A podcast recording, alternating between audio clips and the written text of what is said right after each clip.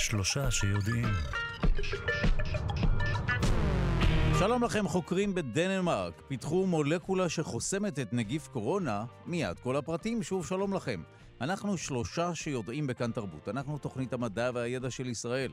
אני דודו ארז ואנחנו עם כל המחקרים, כל הפיתוחים המדעיים והטכנולוגיים וכל מה שבאמת מעניין לדעת. אנחנו משודרים בכל יום בשבע בבוקר ובשידור חוזר בשמונה בערב במשך שעתיים, ובתוכנית היום בין היתר נעסוק בעניינים האלה. קורונה, בבריטניה שוברים שיאי תחלואה ומכינים תוכניות לסגר. מאומת ראשון לזן האומיקרון של הנגיף באוקראינה, ובצרפת בוטלו מופעי הזיקוקים והחגיגות בשאנזליזה. בערב השנה האזרחית, בישראל עד כה זוהו כ-130 מאומתים בזן האומיקרון של נגיף קורונה, חשש מפני גל חמישי. וגם, האם המולקולה של צוות המחקר בדנמרק תמנע מנגיף קורונה להדביק את כולנו? ועוד עניינים, לראשונה בעולם התואר פריצת הדרך של השנה בפיזיקה של כתב העת הבריטי Physics World מוענק למחקר של חוקר ישראלי, מיד נדבר איתו. וגם חלל, חוקרים גילו מה גרם לפרה הבזק אור עוצמתי שהגיע מקבוצת הכוכבים הרקולס, שרחוקה מאיתנו בערך 200 מיליון שנות אור, ועוד בענייני חלל, רגע לפני השיגור של טלסקופ החלל ג'יימס ווב, זה יקרה בימים הקרובים, טלסקופ קטן וזריז עקף את אחיו הגדול ושוגר לחלל.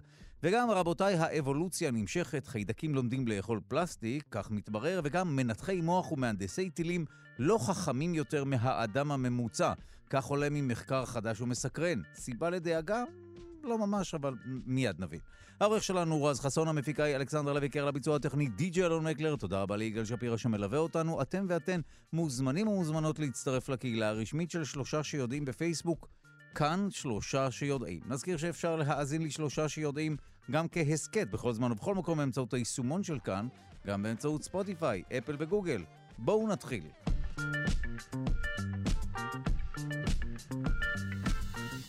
המולקולה שחוסמת את נגיף קורונה. צוות מחקר מדנמרק פיתח מולקולה שמתחברת לנגיף, נגיף קורונה, וההתחברות הזו מונעת ממנו להיכנס לתאים האנושיים ולהדביק אותם. הדברים פורסמו ב-Proceeding of the National Academy Science. אנחנו שמחים לומר שלום לדוקטור אלאס קלן, וירולוגית חוקרת וירוסים מהפקולטה לרפואה, אוניברסיטת תל אביב. שלום.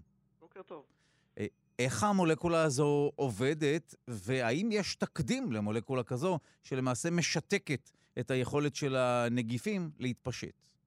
אז אני אתחיל ברשותך מהסוף. בעצם החיסון מייצר נוגדנים שמונעים מ... אה, וכל... ויש גם נוגדנים ספציפיים שמייצרים אותם בצורה מלאכותית, שבעצם מונעים מהנגיף להיכנס לתאים שלנו, נקשרים לחלבון הספייק. זאת אומרת, החלבון... כבר יש פטנט כזה, זאת אומרת, כתולדה של החיסון.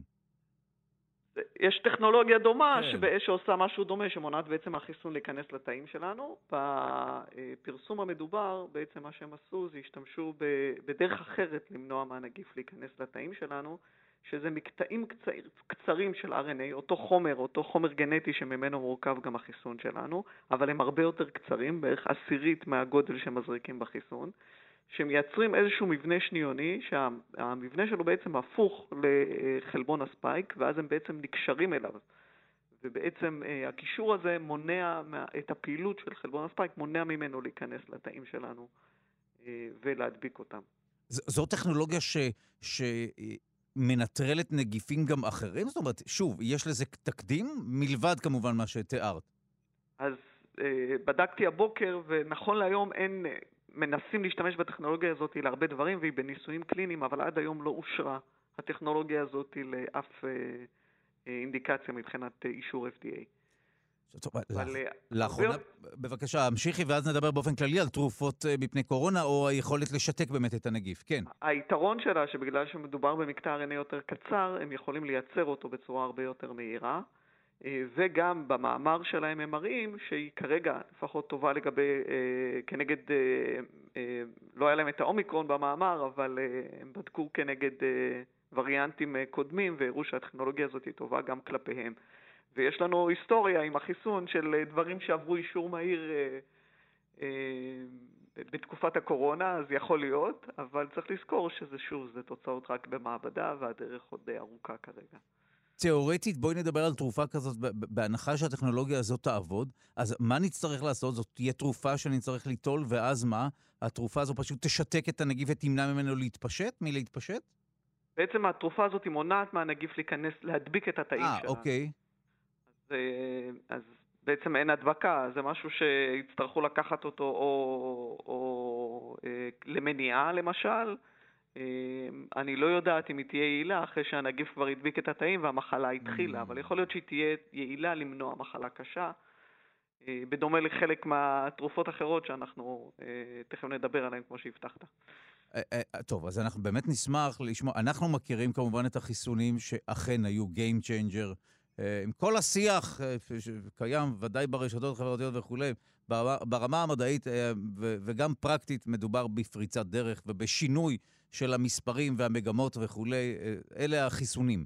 השאלה היא באמת מתי יצטרפו לחיסונים גם תרופות ש, שיסייעו לנו להתמודד עם הנגיף, אולי גם אחרי ההידבקות ולא רק לפני, כפי שתיארת בכל מה שקשור למולקולה מדנמרק.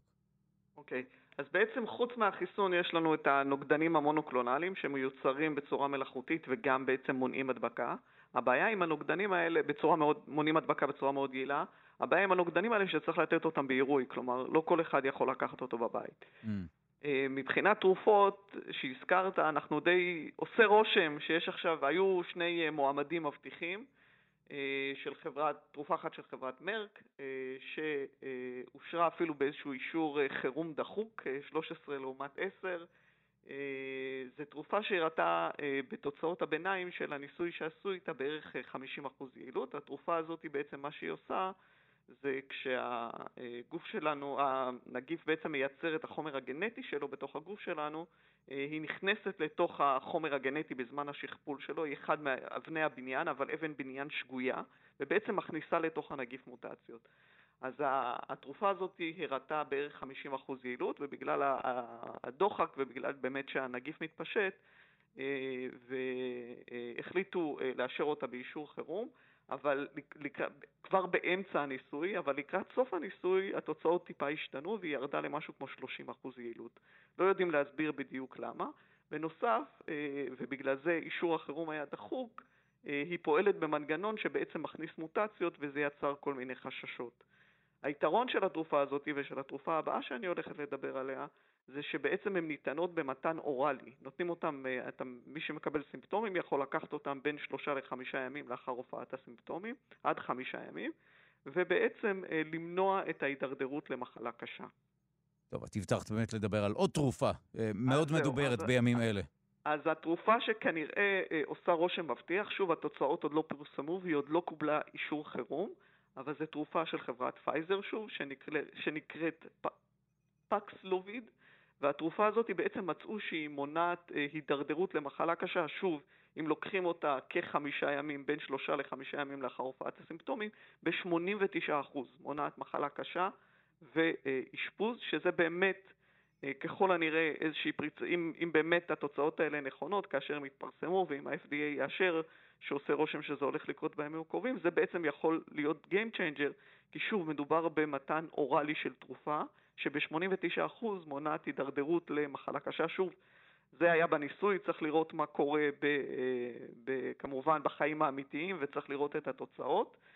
אה, התרופה הזאת היא פועלת במנגנון שונה מהתרופה שהזכרתי קודם, היא בעצם אה, מעכבת איזשהו חלבון נגיפי.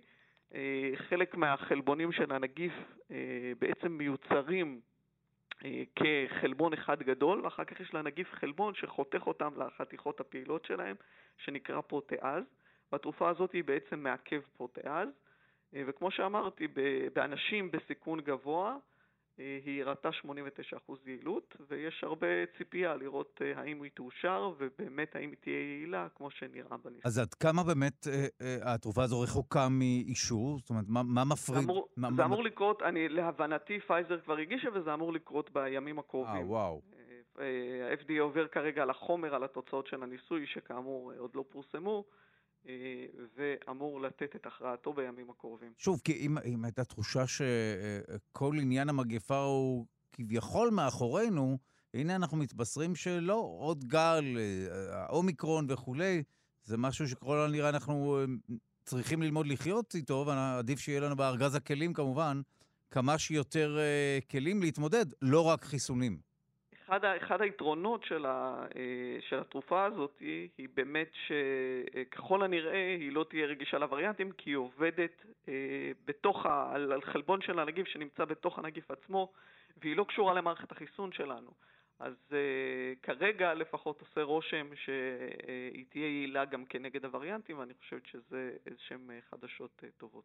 טוב, תודה לך על השיחה הזו. דוקטור אלאס קלן, וירולוגית, חוקרת נגיפים בפקולטה לרפואה, אוניברסיטת תל אביב. תודה רבה. יום טוב ושבוע טוב.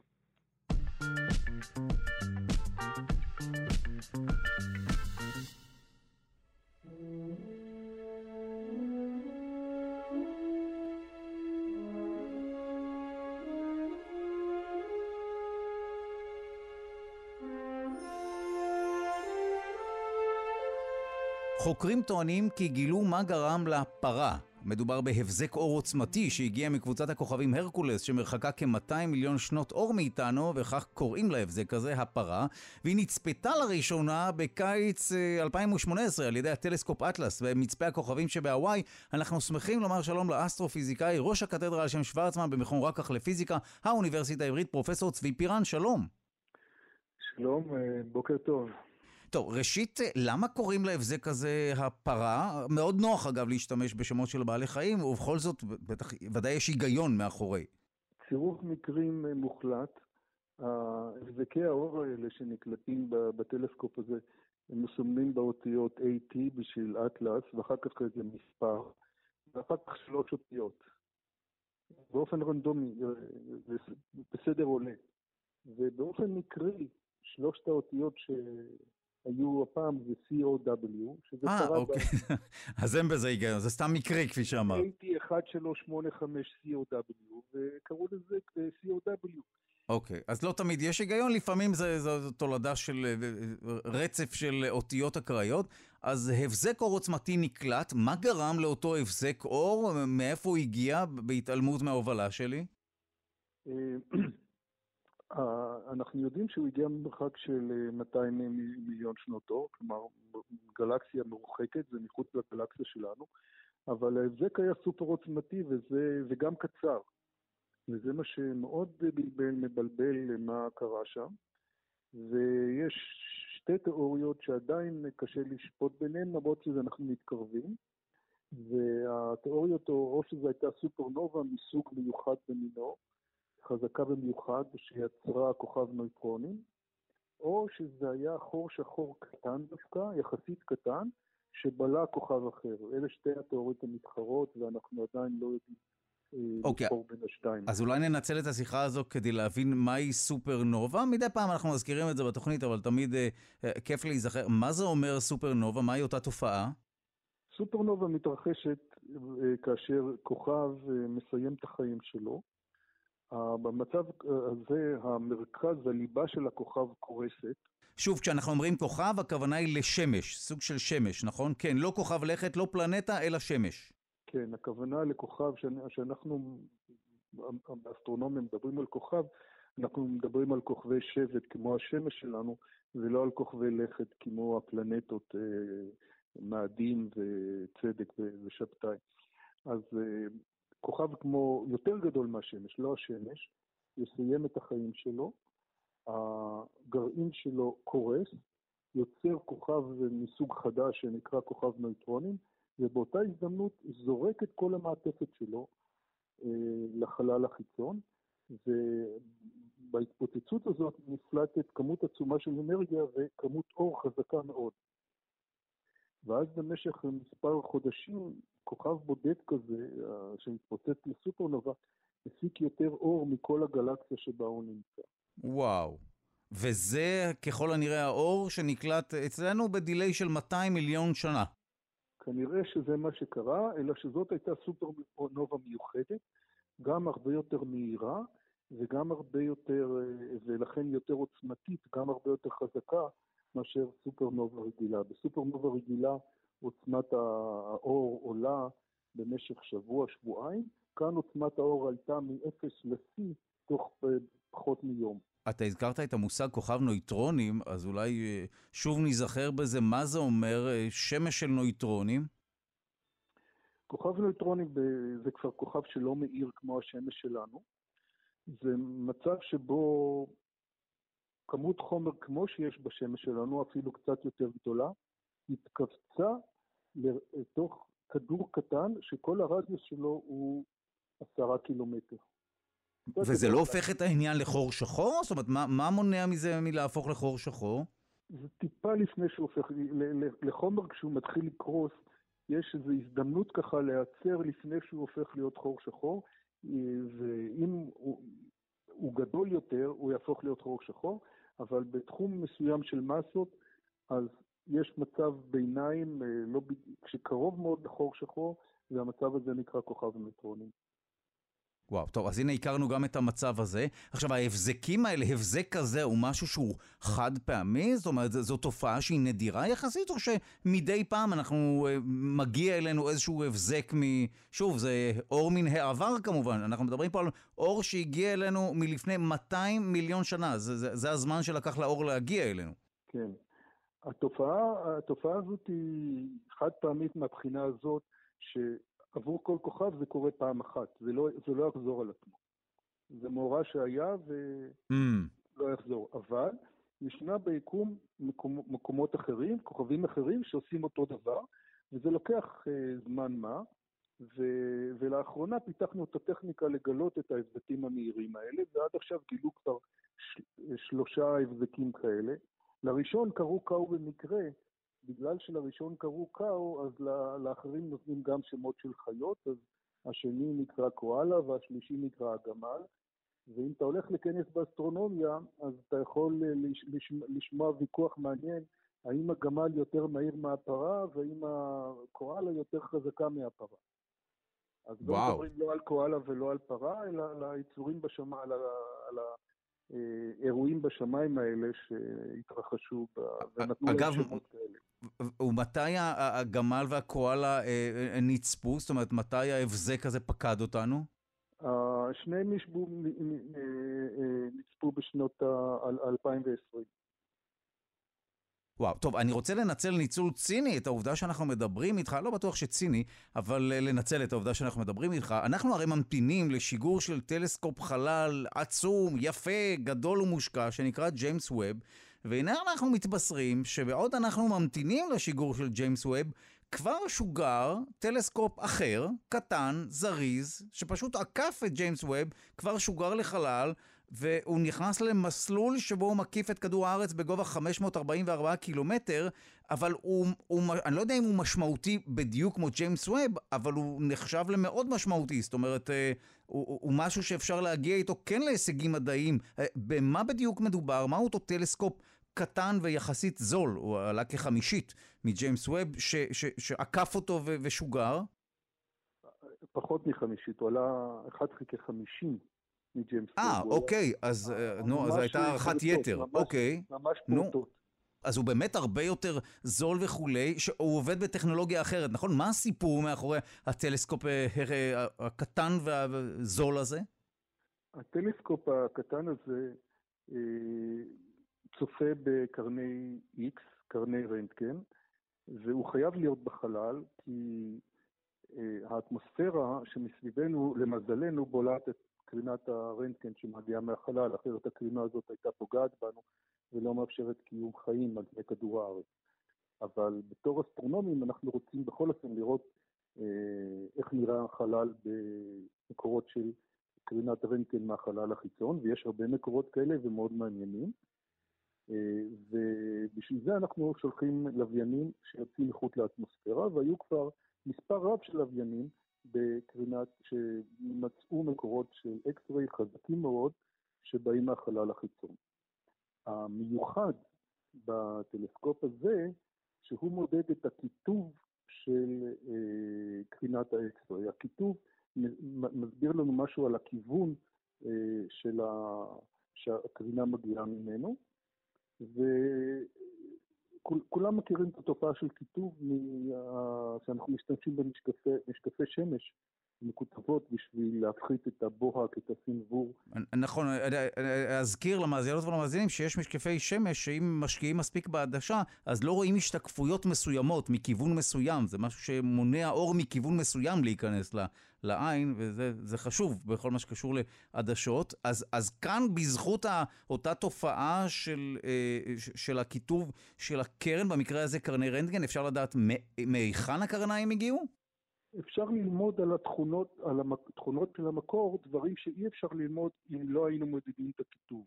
Mm. ויש שני גופים, אה, שני דברים מעניינים שבדיוק דיברנו עליהם קודם בשיחה, שאפשר להסתכל עליהם, וגם קרני רנטגן, קרני X שיוצאות מכוכב נויטרונים, מסתובבות בזמן היציאה שלהם מכוכב הנויטרונים, הכיתוב שלהם מסתובב, וגם אה, קרני רנטגן שיוצאות מקרבה של חור שחור, מסביבה של חור שחור, גם הן מסתובבות, ולפי מדידת הכיתוב הזה, אנחנו יכולים לדעת, מסתכלים על מקור מסוים, האם המקור הזה היה חור שחור, או האם המקור הזה היה כוכב נויטרוני, פשוט מהסתכלות על צורת הכיתוב. וואו, אז זה תל... מבחינה הזאת זה, כן. יהיה דבר מאוד מרתק. זו הפעם הראשונה שאנחנו מודדים את הכיתוב. היו כבר הרבה ניסיונות לשלוח לוויינים כאלה, כל פעם הם נכשלו מסיבות אחרות, וזו פעם ראשונה שאנחנו מוד... אה, שלחנו משימה לבדוק דבר כזה. אוקיי, okay, אז קיטוב של קרני רנטגן, וזה הטלסקופ הקטן והזריז שעקף את ג'יימס ווב, שישוגר אה, ממש בעוד כמה ימים, ובזכות אותו טלסקופ קטן ושובב, אולי גם אה, אפשר להוסיף, אה, אה, מה אנחנו רוצים להשיג? מה שאנחנו רוצים להשיג זה לזהות במקורות אה, קרינת X ראשונים, ללמוד האם, הם חור שחור, האם זה חור שחור mm. או האם זה כוכב נייטרונים, ואם זה חור שחור, נוכל לדעת גם כן למדוד את הסיבוב של החור השחור. וכאן אה, אני קצת מרגיש אה, מאוד סקרן לגבי התוצאות שהתקבלו, כי בעצם זו תופעה, התופעה עצמה של הסיבוב הזה, של הכיתוב, בקרבת חורים שחורים, זו תופעה שאני ניבאתי לפני קצת יותר מ-40 שנה. אז עכשיו אני מסתקרן ומחכה בקוצר רוח לראות שיאשרו את התגלית הזאת. וואו, רגע, אז זה, זה משהו שאתה גילית או שחשבת שתיאורטית עשוי לקרות? זה משהו שחשבתי תיאורטית, ניבאתי תיאורטית שעשוי לקרות, ומאז, כמו שאמרתי לך, זה, זה, זה שלוש או ארבע פעמים אנשים בנו או תכננו לבנות אה, לוויינים למדידת כיתוב של קרינת אקס, וכל פעם המשימה לא, נש... לא שולחה לחלל מסיבה זאת או אחרת, והפעם זה שוגר, בין השאר במוטיבציה לאשר את הניבוי שלי מלפני 41 שנה. וואו, ועכשיו טוב. אני מחכה בקוצר רוח לתוצאות. אני מתרגש, לדעתי אפילו קצת יותר ממך, או, או שאני פשוט לא מזהה בטון הדיבור את ההתרגשות שלך, ונשמע מרגש. אני, מתרג, אני מתרגש, אל תדאג. ודאי, כן, לא, לא, זה לגמרי מרגש. אה, ובניגוד לטלסקופ הזה, ג'יימס ווב שישוגר בעוד כמה ימים, הוא בכלל בתחום אחר לגמרי של גלים אלקטרומגנטיים, נכון? הוא באינפרה אדום, נכון? כן, הוא בתחום האינפרה אדום. אה, הוא הרבה יותר, הרבה יותר ורסטילי, יש לו שימפו, זה, זה טלסקופ קטן. שמיועד לבדוק שתי תופעות מסוימות אה, ולהתמקד בהן, וזו תהיה חוויה אם הוא יגלה אותם, אבל זה רק דבר מצומצם. הטלסקופ הג'יימס ווב הוא אה, מאוד ורסטילי, וכמו שהוא אה, מקביל מהבחינה הזאת לטלסקופ החלל להאבל, וכמו שמהאבל קיבלנו תוצאות מסוגים שונים ושונים ומגוונים, שורה עצומה של תופעות שלא קשורות אחת לשנייה, האבל ראה את זה וראה את זה וגילה את זה וגילה את זה, אז ככה אנחנו מצפים שגם ג'יימס ווב, שזה פלא טכנולוגי בפני עצמו, אם כשהוא יעבוד הוא יפתח לנו שורה של חלונות לגבי אין סוף נושאים שונים. וואו, וזה קורה ממש עוד מעט, אז שווה לעקוב אחרי השיגור של טלסקופ החלל ג'יימס ווב. תודה לך על השיחה המסבירה הזו, פרופ' צבי פירן, אסטרופיזיקאי, ראש הקתדרה על שם שוורצמן במכון רקח לפיזיקה, האוניברסיטה העברית. תודה רבה. תודה ויום נעים.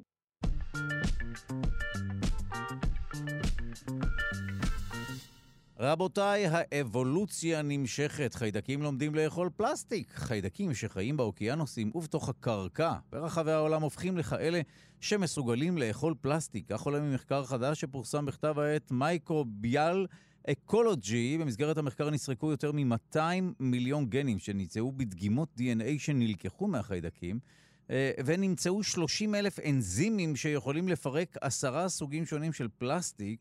האם זה אומר שנוכל לשוב על כלי הפלסטיק והבוכשנים האהובים, ואז החיידקים יאכלו אותם וזהו? שלום למיקרוביולוג מהאוניברסיטה הפתוחה, דוקטור דרור ברניר, מחבר הבלוג חיידקים, נגיפים ושאר ירקות, חבר בעמותות מדע גדול בקטנה ועמותת מידעת, שלום. בוקר טוב, דודו. יכול להיות שהפתרון בכלל לענייני הפלסטיק יגיע מיצורים כאלה שידעו לעכל אותם? אה, כן ולא. כי יש לנו פה בעיה חמורה, זאת אומרת, זה שיש חיידקים שמסוגלים לפרק את הפלסטיק, אה, זה נכון. אגב, זה גם לא כל כך חדש, אנחנו כבר יודעים על זה כבר שניים או שלושה עשורים כבר. אומנם לא על, לא על היקף כזה של מחקר שעשה סקירה מאוד מאוד גדולה, אבל אנחנו כבר יודעים על כך שחיידקים יכולים לפרק פלסטיק, והיו על זה עבודות יפות בעבר שהראו את זה. הבעיה היא שפלסטיק מופיע בתור גושים מאוד מאוד גדולים שלא ממש נגישים. אה, כמו שלמשל, אה, שיש לך אה, זיהום של נפט בים, מאוד קשה, למרות שיש חיידקים שיודעים לפרק נפט, זה לוקח עדיין המון המון זמן, כי רק בשוליים החיידקים יכולים להתקרב אליו. אותו דבר הפלסטיק, mm. שיש גושים מאוד מאוד גדולים, אז כן, החיידקים שמסוגלים לפרק אותו יכרסמו בו, במרכאות, מהקצוות. אבל הגושים הגדולים יישארו, ועדיין יישארו הרבה שנים. אלא אם כן אנחנו נמצא דרך לטחון את הכל ולהנגיש את זה ולהוסיף כל מיני חומרים שחסרים חוץ מאשר מקור פחמן. כי במקרה הזה הפלסטיק משמש כמקור פחמן. אבל עדיין בתוך הים למשל, ששם יש זיהום נוראי של פלסטיק, אה, חסרים כל מיני חומרים שהחיידקים צריכים בשביל לחיות, כך שלא מספיק שיש להם מקור פחמן שהוא פלסטיק, הם צריכים עוד דברים שאין להם שם. אז... אז יש כל מיני בעיות שעדיין מפריעות לנו, אבל התופעה שחיידקים מסוגלים לפרק כל חומר שהכימאי הכי יצירתי על פני כדור הארץ ייצור בסופו של דבר, זו תופעה ידועה. אוקיי, okay, אז בואו באמת נדבר על, אה, אה, על היכולת הזו. זו יכולת שמה? שאיכשהו נוצרה במרכאות או לא במרכאות במהלך האבולוציה של החיידקים, או שהיא תמיד הייתה שם? יכול להיות שהיא נוצרת מדי פעם במקרה, זה בהחלט, זה בהחלט תהליכים של אבולוציה, שיכולים לקרות במקרה, וברגע שיש ל... למיקרואורגניזם כלשהו יתרון כלשהו, כי יש סביבה מזוהמת בפלסטיק, והוא יכול לחיות על הפלסטיק הזה, אז יש לו אולי יתרון על, על השכנים שלו. ואז אתה מקבל העשרה, כי התופעה הזו קורית גם באופן טבעי. וברגע שיש חיידקים שמפרקים פלסטיק במקום אחד, אז הם מוסעים על ידי רוח ומים ובעלי חיים וכל מיני אחרים ממקום למקום. במערכות העיכול של בעלי חיים מגיע פלסטיק. יש, במערכות העיכול של בעלי חיים יש חיידקים. הם, הם יכולים אולי לפתח את היכולת אה, לפרק פלסטיק, ואז עם הפלסטיק המופרש ממערכת העיכול גם להגיע לים. יש כל מיני דרכים שבהם אה, גנים וחיידקים יכולים לעבור ממקום למקום, ואנחנו רואים את הביטוי של זה כבר אחרי כמה עשורים טובים של זיהום פלסטיק על פני כדור הארץ. לא היינו רואים את זה ב... אה, בשנים הראשונות שהופיע הפלסטיק אה, בצורה משמעותית בתעשייה. זה לוקח זמן, התהליך הזה. אוקיי, okay, אז אם נערוך איזשהו סיכום ביניים, היכולת הזו לא מפתיעה אותך. אתה אומר שחיידקים יודעים לפרק הכל, ויש חיידקים שיודעים כבר לפרק פלסטיק, וזה גם לא מפתיע אותך אם יכולת כזו הצטרפה לארגז הכלים של, ה... של חיידקים באופן כללי. נכון, בהחלט. אבל זה לא יהיה Game Changer כרגע בכל מה שקשור ל... לכלים חד פעמיים וכולי, כפי שפתחתי לא. ואמרתי. ממש לא. לא, כי אי אפשר לתת להם לאכול הכל, זה לא יקרה. הכמויות אה, הן לא... אה, אה, אין שם הלימה בכמויות. ממש אין הלימה בכמויות, וכמות הפלסטיק שיש לנו כרגע באוקיינוס, יש לנו הרי ממש אזורים שלמים של פלסטיק צף באוקיינוס האטלנטי ובאוקיינוס השקט, שהם ממש בלתי עקילים לכל כך מעט חיידקים. זה שיש, זה שמוצאים שם, גם על, גם על הררי הפלסטיק האלה מוצאים חיידקים, אבל שוב, זה לא מספיק, זה ייקח להם המון המון שנים לאכול את הפלסטיק. טוב, אז uh, לא נותר אלא לשוב אל ההוראות ולא לא להשתמש, או להשתמש כמה שפחות כמובן בכלי פלסטיק. נכון. כנראה. אוקיי. טוב, תודה לך על הדברים. דוקטור דרור ברניר, מיקרוביולוג מהאוניברסיטה הפתוחה, מחבר הבלוג חיידקים מגיפים ושאר ירקות, וחבר בעמותת מדע גדול בקטנה, ועמותת מדעת לקידום רפואה מבוססת מדע. תודה רבה. תודה לכם, יום טוב.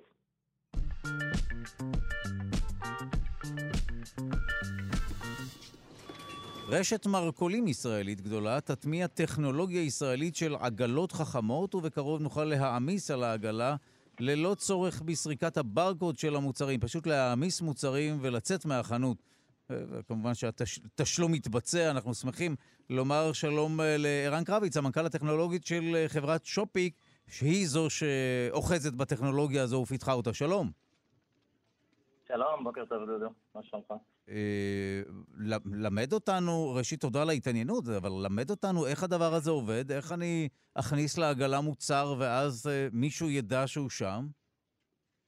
אה, בשמחה. אז באמת מה שאנחנו מייצרים זה מכשיר שאתה אוסף אותו בכניסה לסופרמרקט, בעצם מלביש אותו על עגלת הקניות ברגע שנכנסת, ומאותו רגע המכשיר מורכב ממצלמות שבאמת רואות מה קורה, מזהות פעולות אה, באמצעות אה, טכנולוגיה שנקראת בינה מלאכותית, ראייה ממוחשבת, אה, מבינות מה, מה נכנס ומה יצא מהעגלה. יש במכשיר מסך, רמקול, אורות, כל מיני דרכים ש, שניתן לתקשר איתך בתור קונה ולהפנות את תשומת לבך, שבאמת המכשיר זיהה את, ה, את המוצר שנכנס. שוב, לא צריך להעביר ברקוד וכולי, כי אנחנו יודעים שהיום כן יש קופות עצמאיות שהלקוחות צריכים להעביר אה, את הברקודים של המוצרים וכולי, אבל איכשהו הדבר הזה לא ממש קורה. תמיד צריך עוד איש שיעזור לנו שם, ותמיד יש למקום תחושה שאתה גונב להם מוצרים, האם העברת את הכל או לא, רצים אחריך וכולי, זה משהו שהוא אחר לגמרי. נכון, נכון. בעצם אה, אין שום אה, התעסקות עם ברקודים, באמת, כמו שאמרת, אפשר להכניס את המוצרים בצורה רגילה לגמרי, כמו שאתה עושה היום. אה, והחיווי מתקבל בצורה מיידית על המכשיר, ובאמת הרווח הגדול ביותר זה שבסוף לא צריך, כמו בקופה רגילה או בקופת שירות עצמי אפילו, לא צריך שוב להוציא כל מוצר ומוצר מהעגלה אחרי שכבר הכנסת אותו לעגלה.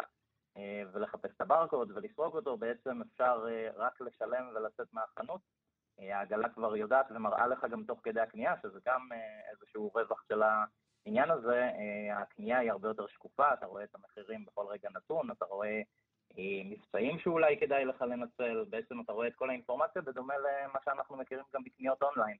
אה, כל מיני דרכים שניתן להקל על הקנייה בעצם מגיעות לסופר הפיזי, וכן, ואין צורך לחפש ברקודים ואין צורך אה, לדאוג יותר מדי, פשוט אה, רואים בכל רגע נתון מה נמצא בעגלה, משלמים ביציאה והמוצרים... אה, אז זהו, שאתה כן. אומר שהמנגנון עצמו הוא, הוא מתחיל במשהו ויזואלי, נכון? זאת אומרת, החיישנים הם בעצם מצלמות בגדול, לא צ'יפים, אלא זו מצלמה שעוקבת אחרי מה שקורה. מה קורה אם המוצר מסתיר, מוסתר וכולי?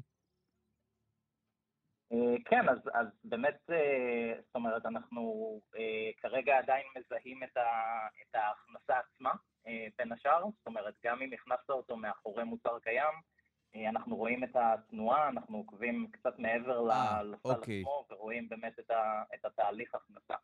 באופן הזה, גם אם שמת אותו מאחורי איזשהו מוצר אחר, עדיין ראינו את, ה, את הפעולה שקורית.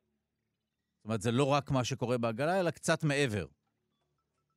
נכון, אה, בעצם סביבת, ה, סביבת הסל, אה, אתה יודע, לא הרבה מעבר, אבל אה, מעבר ברמה שמאפשרת לנו לראות את, ה, את התנועה של המוצרים תוך כדי שהם נכנסים לסל. תגיד, למה משקיעים כל כך הרבה בפיתוח של עגלות חכמות? הרי בסופו של דבר, אנחנו יודעים שאפילו עלות, לצערנו, של קופאים, קופאיות וכולי, זה לא מה שמכביד על הארגון. זאת אומרת, מניין הרצון שהכל יהיה מנוכר ומנותק מבני אדם?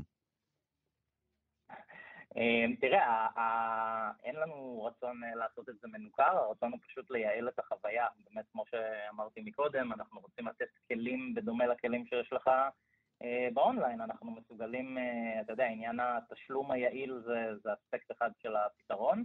אמ, אבל מעבר לזה, כמו שאמרתי, באמת אה, לתקשר עם הלקוח תוך כדי זה, זה קצת אה, אולי מצחיק, אבל בעצם כשהלקוח נמצא בחנות הפיזית של הקמעונאי, אה, אין לקמעונאי היום כמעט שום דרך ליצור איתו קשר, לתת לו מבצעים מותאמים אישית או לא מותאמים כן, אישית. כן, נכון, חוץ מכריזה בעצם, באמת, נכון. בדיוק, בדיוק. כריזה שזה מאוד לא פרסונלי, ו- וגם, אתה יודע, לא, לא רוצים כל דקה לקרוא משהו אחר. באופן הזה יש לנו תקשורת עם כל קונה וקונה, מאוד אישית, מאוד קונטקסטואלית, בעצם זה לא רק להגיד לך שיש הנחה, אלא להגיד לך כשאתה נמצא ליד המוצר הרלוונטי. היום באמת יש כל מיני פתרונות בצורה של אפליקציות קופונים, או אפילו לשלוח במייל קופונים, זה מאוד, זה הרבה פחות יעיל, כי זה קורה בתזמון הלא נכון. אצלנו זה באמת תוך כדי שאתה נמצא ליד המוצר, אתה יודע את כל האינפורמציה לגביו, אתה יודע איזה מבצעים קיימים, אתה יכול לנצל אותם בצורה יותר טובה. אז לכן זה, זה כלים שפשוט עוזרים לך בתור לקוח ויוצרים נאמנות של הלקוח ל, לרשת, ובאמת כבר ראינו הרבה מקרים של לקוחות שמתאמצים קצת יותר כדי להגיע לסניף שאנחנו נמצאים בו, על פני הסופר שהם קונים בו בדרך כלל, כי זה באמת מאוד מקל להם על הקנייה. תגיד, העובדה שהעגלה תהיה חמושה במכשיר כזה שינטר כל מה שקורה שם, תפריע לכיף הגדול של הילדים איכשהו לשבת בעגלה? אני זוכר שזה אחד הכיפים הגדולים ש... שיש, ולשבת בתוך מין כיסא מאולתר כזה שנפתח מתוך העגלה. כן, אז, אז כרגע אתה צודק, באמת זה, זו מגבלה, כי כרגע אה, לא ניתן לשבת בכיסא, אה, אבל אנחנו עובדים על זה, עובדים על זה שנוכל אה, לעשות את זה במקביל. נראה לי שאפשר יהיה לפתור את זה. אוקיי, אז איפה זה עומד כרגע? זאת אומרת, היה פיילוט, אני מבין, שמוצלח, וכרגע מה, זה כבר קורה? זה יקרה בקרוב? כן, אה, אז כבר היום אפשר אה, אה, ברשת שופרסל להתחיל לראות את זה, ובקרוב אנחנו פורסים את זה בחנויות נוספות, וגם בריטיילרים אחרים ברחבי העולם, אבל פה בארץ בשופרסל באמת מתחילים לפרוס את זה בהדרגה. שמע, מאוד מסקרן. מעניין גם איך הישראלים יגיבו לזה וכולי. שוב, כל שינוי כזה בקונבנציה של, של, של קנייה בסופר זה משהו שמצריך איזושהי התרגלות. מעניין באמת איך הקונים יגיבו, אבל שוב, זה רק, השאלה היא עד כמה הדבר הזה הוא ידידותי וקל לתפעול, אם בכלל מצריך איזשהו תפעול או אינטואיטיבי וכולי, אבל, אבל נשמע מעניין מאוד, וודאי הייתי מנסה חוויה כזו. כן, אתה, אתה מאוד מוזמן, אני מזמין גם את כל מי ששומע, ורק uh, התייחסות למה שאמרת, אז באמת זה, זה אחד האתגרים, כי בסוף uh, כולם קונים בסופר, צריך שהחוויה תהיה מתאימה לכולם. Uh, מבדיקות שעשינו, מפיילוטים, גם בשופרסל וגם במקומות אחרים, באמת אנחנו לשמחתי מצליחים להגיע לתוצאות מאוד יפות, בסביבות ה-97 אחוזים שאנשים שמעידים שהיה להם קל ונוח לתפעל את החוויה הזו. אז uh, באמת, אני מזמין את uh, כולם לנסות בעצמם ו- ולחוות דעה ו- ולספר לנו. טוב, אני מקווה שכמובן uh, המחירים יהיו הוגנים, זה בלי שום קשר לטכנולוגיה שלכם, ואז בכלל יהיה קל ללקוחות. תודה רבה לך על השיחה הזו, ובהצלחה. ערן קרביץ, סמנכ"ל הטכנולוגיות של שופיק, תודה רבה. תודה, תודה. יום טוב.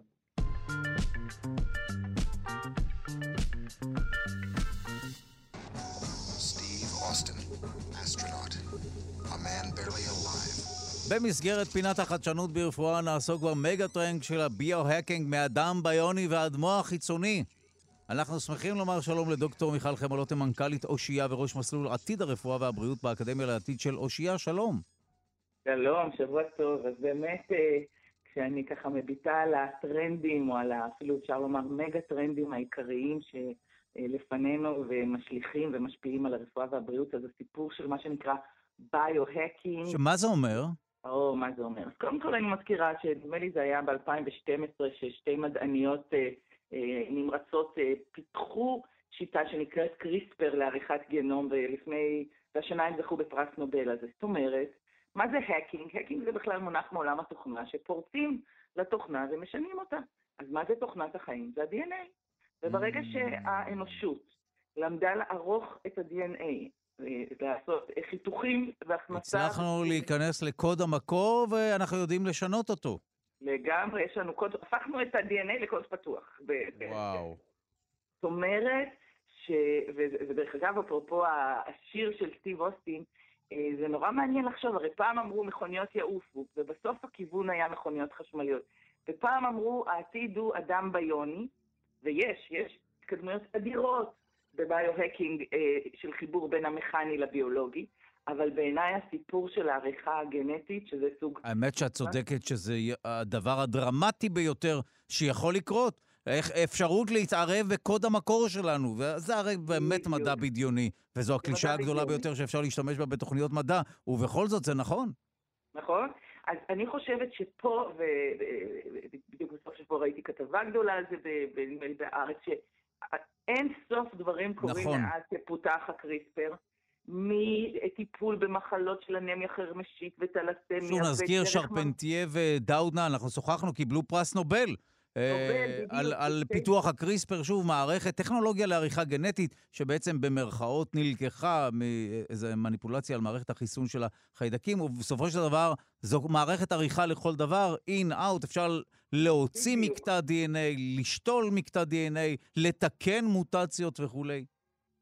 ולייצר חדשות בעצם. וואו. זה הסיפור. הסיפור הוא שגם אפשר לתקן מוטציות שנעשו עוד בזמן העוברות, אפרופו אנמיה חרמשית, מוטציות שנעשו בגידולים סרטניים, אבל גם מתחילים לעשות עם זה דברים שהם אה, בעולמות שהם על גבול האתיקה, כמו לנסות להנדס תינוקות. שעל זה אנשים הולכים לכלא, אבל בסין אנחנו כבר יודעים שזה, שזה נפרץ הסכר הזה. ואז העריכה הזאת, כמו שאמרת, דילית ואינסרט וכל זה, עוברת בין הדורות. אז פה צריך להביט על הדבר ולהבין שאנחנו, ואף פעם לא מקבלים פרס נובל עשר שנים או פחות מעשר שנים אחרי התגלית. יש פה באמת פרדיגמה חדשה לגמרי, ו- והיא מעלה את השאלה באמת, מה זה להיות אנושי? כי ביו-הקינג והציר השני, בואו נדבר על סטיב אוסטינים, זה באמת חיבורים בין, ה- בין הביולוגי לדיגיטלי. חיבורי מוח מחשב, עשינו על זה, כבר דיברנו, איך מוחות של אנשים משותקים היום מניעים חפצים, איך בשנה שעברה קיבלנו פריצה דרך הפוכה, במקום שהמוח יניע חפצים אצל אדם משותק דרך קריאה של גלי המוח, הפוך, פיתחו יד ביונית שיש לה חישה והיא מרגישה את הכוס או את, ה, את המתג ומעבירה תחושות למוח. זאת אומרת, יש ביו-הקינג שהוא ביולוגי ויש ביו-הקינג שהוא חיבור בין הביולוגי לדיגיטלי, שזה בדיוק התחום השני, וגם פה הפריצות הן אינסופיות, והמגמה הזאת היא גם יוצרת מה שנקרא אה, מהירות הבריחה האנושית, ה-longevity escape velocity, שאומר האנושות מנסה לפרוץ, את, את, לשבש את המוות, וזה לא יקרה בבת אחת חיי נצח הרעים בכלל, אבל זה קורה דרך זה שאנשים אה, חולים פשוט מאריכים ימים, כי כל פעם באה עוד טכנולוגיה ועוד טכנולוגיה, שנותנת להם עוד חמש שנים ועוד עשר שנים, ובעצם הם לא צריכים לחיות אה, לנצח. אדם חולה יכול לחכות עד שתבוא הטכנולוגיה הבאה, ואני ראיתי אנשים כאלה שגזרו עליהם גזר דין מוות וחיים כבר 15 שנים, פשוט כל פעם מגיעה עוד טכנולוגיה. וואו. ופה הדבר המאוד מעניין של שיבוש המוות, כי בסופו של דבר, יש לנו כאלה כלים אה, אה, אה, רבי עוצמה, ודרך אגב גם מעלים שאלות אתי, אתיות כבדות, ו, ואנשים חולים, אה, הסיפור של לחפש תרופה אה, מחליף לאט לאט, ודיברנו על ביו-הקינג שאומר שחלק מהתרופות הן בעצמן דיגיטליות, עולם מטאוורסי, מציאות מדומה, מציאות רבודה כתרופה, דמיון כתרופה, אז, אז, אז מה זה בכלל מוות בעולם כזה שיש לנו ייצוגים דיגיטליים שלנו? והסיפור של ריפוי הופך להיות הארכת תוחלת החיים הבריאה. אוקיי, אולי אנחנו לא יודעים לרפא את האיידס שלך, אנחנו יודעים את מחלת האיידס, לדוגמה, ניתן לך עוד עשר שנים. ועוד עשר שנים, עוד חמש, תהיה לנו עוד טכנולוגיה, ואולי בעוד חמש עשרה בכלל נרפא אותה, ואתה כבר בן שמונים וחמש, ובעצם תגיע למאה וחמש. וזה הסיפור המעניין. ה-longevity escape velocity, הטכנולוגיות שמאפשרות בריחה לאט לאט לכיוון חיים יותר ויותר ארוכים, ומה זה באמת מוות בעולם שהביו-הקינג הוא ביולוגי, הוא דיגיטלי, אבל הוא גם חיים וירטואליים. זה שאלות גדולות. לדעתי, חלש על כל הנושאים האפשריים בפינה הזו, וזה יהיה לגמרי העתיד, נכון. כן, אבל העניין הוא שהוא כבר כאן, אתה יודע, יש משפט מקסים, נדמה לי, שארתור סי קלאר, לא, אל תתפוס אותי במי אמר, הוא אמר, The future is already here, but it's not evenly distributed. העתיד כבר כאן, אבל לא מחולק באופן שווה, ואני ממש מרגישה שבעידן הזה של, ה, של המהפכה התעשייתית הרביעית, של הקצב הצונאמי של השינויים, הכל כבר כאן. כל החומרים של הדרמה הם פשוט עוד לא בהצגה אחת, אבל הכל כבר כאן, ו- ו- ולכן השאלה מתי זה יקרה, מה זה יקרה, איך, איך זה ייראה. כששואלים אותי היום, 2025, אני אומרת, זה מדע בדיוני. לעשות תחזיות ל-2025 זה לא רציני. כשקצב כזה של דברים קורה, כל דבר יכול לשנות את הטראג'קטורי, את הכיוון, את המגמה, בצורה שמאוד קשה, ולכן התחזיות פחות מעניינות, אלא המגמות. להבין את המגמות נותן לנו כלים להבין איך יראה 2030 או 2025, כי זה, כי זה כלי מאוד חזק שהוא לא עוסק בעתיד בדיוק, אלא הוא עוסק באוקיי, אם המגמה הזאת הולכת, איזה עתידים יכולים להיות לנו ל-2025, לדוגמה, שזה נראה מעבר לפינה, אבל בארבע שנים הקרובות ייראו כמו כנראה מאה השנים האחרונות מבחינת הטכנולוגיות החדשות.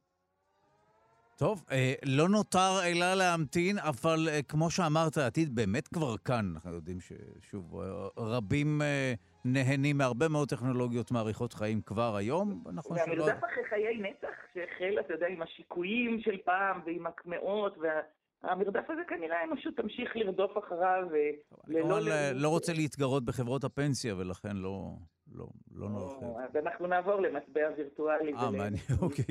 אוקיי, טוב, תודה לך על השיחה הזאת, דוקטור מיכל חמולוטי, מנכ"לית אושייה וראש מסלול עתיד הרפואה והבריאות באקדמיה לעתיד של אושייה. תודה רבה. Thank you. מנתחי מוח ומהנדסי טילים לא חכמים יותר מהאדם הממוצע. כך עולה ממחקר חדש שפורסם בכתב העת British Medical Journal. במסגרת המחקר נבחנו יכולות קוגניטיביות של קרוב ל-400 מנתחי מוח ומהנדסי תעופה וחלל. החוקרים ישבו בין שני בעלי המקצוע, זאת אומרת ביניהם, ואז ישבו אותם לאוכלוסייה הכללית, ובשורה התחתונה הם לא יותר חכמים מהציבור הרחב. שלום לדוקטור ורד שקוף מהחוג להפרעות בתקשורת במכללה האקדמית אחווה וחוקרת במעבדה לחקר הקוגניציה ותקשורת לאורך החיים באוניברסיטת רייכמן. שלום. שלום דודו. זה מה שאתם המדענים עושים? אה, זהו, אז זה לא... את יודעת למה אני אומר את זה? כי בהכנה לשיחה את אמרת לי שאת לא רוצה שיחשבו שזה מה שנשאר למדענים לעשות. הרי מדובר במשהו שהוא ברמת הקוריוז, נכון?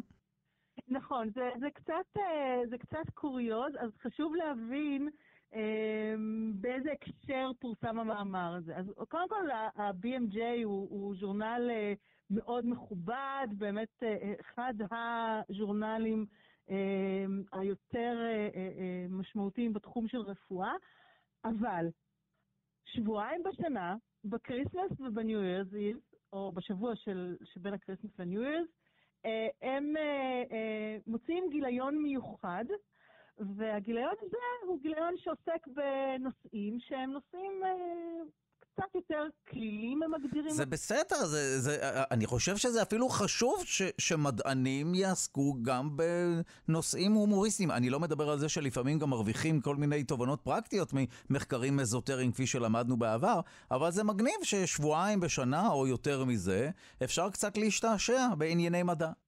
אה, תראה, מדענים הם אנשים מגניבים בניגוד למה שחושבים עליהם בדרך כלל. אני מוכרח לומר שאני פעם הנחיתי כנס של מדענים ואני נדהמתי לגלות כמה הם אנשים יותר מיוחדים, אפילו ברמה הוויזואלית, נדהמתי לגלות שהם יותר מגניבים מסטנדאפיסטים. יש, הם ממש טיפוסים.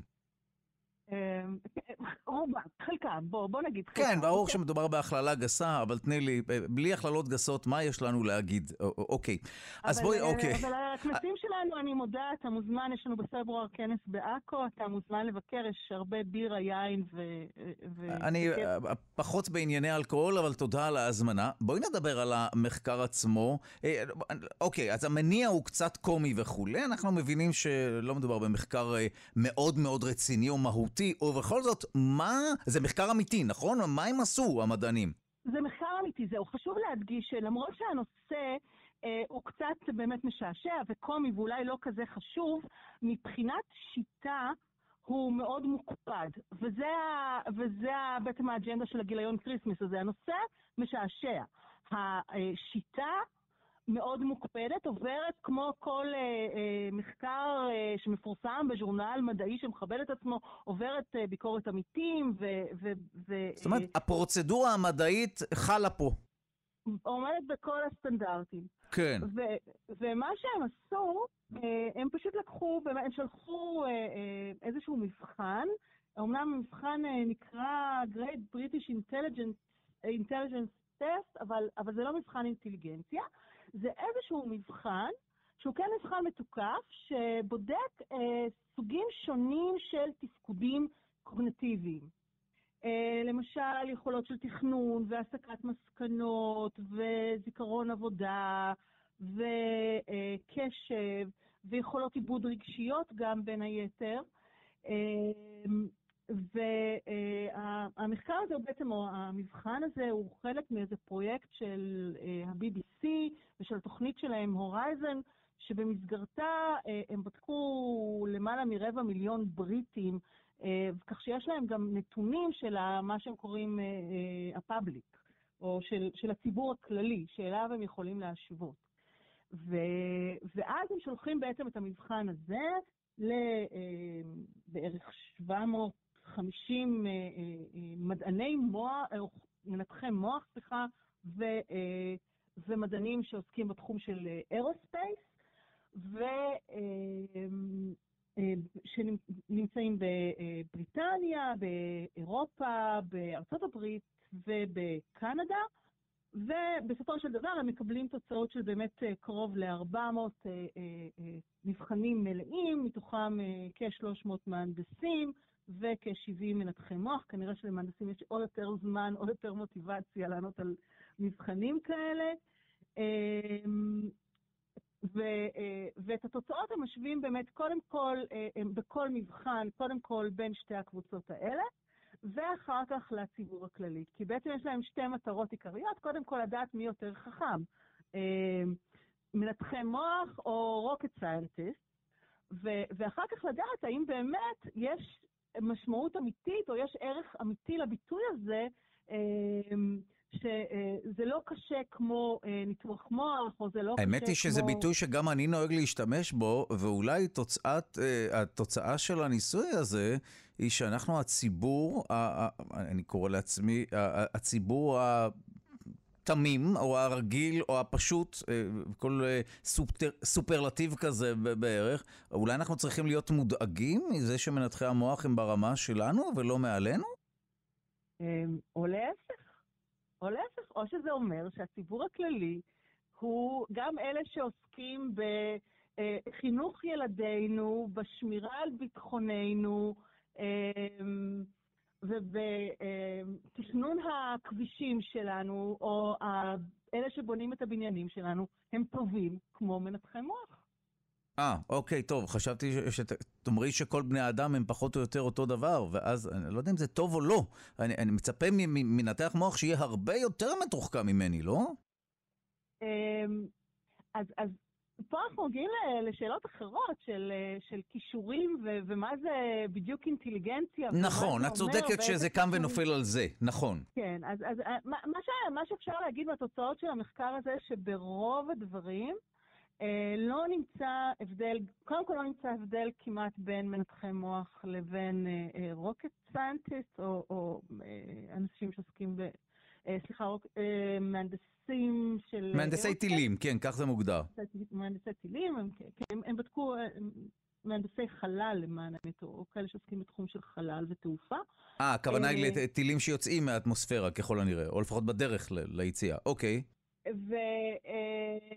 אז, אז קודם כל לא נמצא, לא נמצא הבדל משמעותי, אולי מנתחי מוח הם באופן מובהק היו, אה, השיגו תוצאות טובות יותר בפתרון בעיות אה, אה, מילוליות דווקא, והמהנדסים היו יותר טובים במניפולציות מנטליות, וגם בקשב הם היו יותר טובים, שזה באמת אני, בזה אני איתך, אולי הייתי רוצה שמי שמנתח מוח יהיה טוב גם בקשב, לפחות כמו אה, אה, מהנדס טילים, אבל, אה, ומול הציבור הכללי, בסך הכל, באמת אה, אה, לא נמצא איזשהו הבדל, חוץ מאולי אה, במהירות של פתרון בעיות של מנתחי מוח אה, מול הציבור הכללי. אה, אז, אז באמת ההבדלים הם, הם בתחומים מאוד ספציפיים ו, אה, ו, ומעטים מאוד.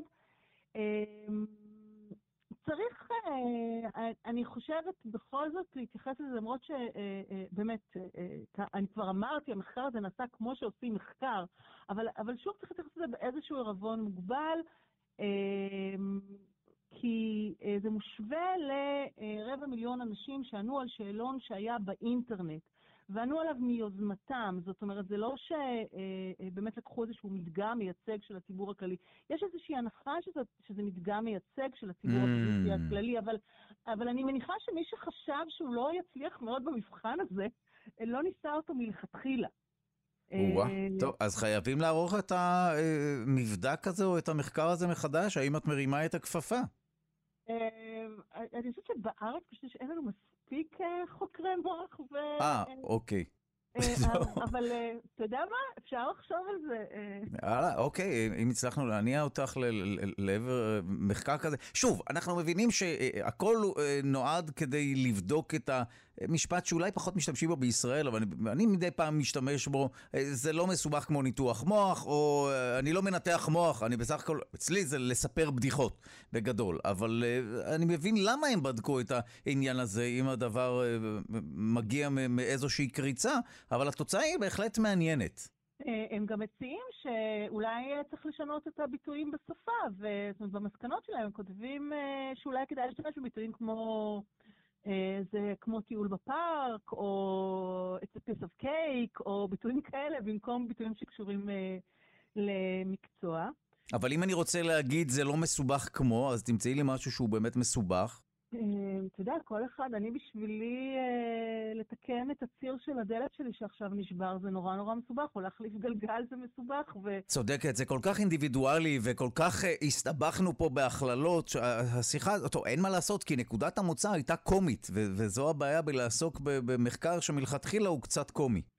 אבל אני חייבת להגיד משהו בעניין קומי, כי אתה השווית את עצמך ואת הלספר בדיחות לניתוח מוח.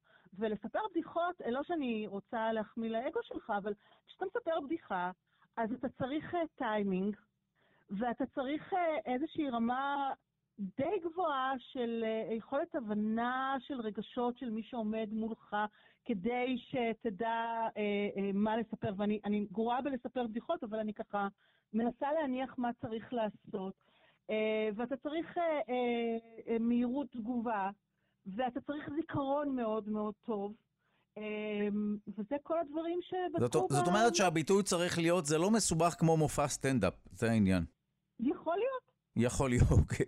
לפחות, אה, בסדר, אוקיי, תראי, קומיקאים הם אנשים שלא רגילים למחמאות, אבל אה, אני חושב שלפחות בניתוח המדעי שלך הסברת לי למה זה כן קצת, אה, קצת מורכב, כל העניין הזה של קומדיה. עובדה שלא כולם, לא כולם מצליחים בזה. אחרת כולם היו רוצים להיות אה, המסמר של המסיבה, ולספר את אה, הבדיחות הכי טובות. יש משהו בזה. טוב, תראי, זו שיחה מעניינת, שנקודת המוצא שלה היא כמעט מדעית, והגענו לזה שאוקיי, גם אה, מנתחי מוח ומהנדסי טילים או מהנדסי חלל וכולי, כך במחקר הם לא חכמים יותר מהאדם הממוצע שענה לשאלון באינטרנט וכולי בבריטניה.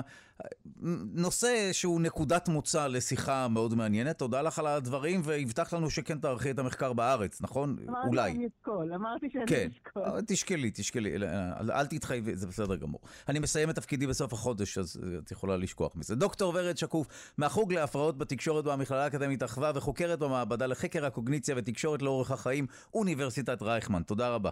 תודה, להתראות.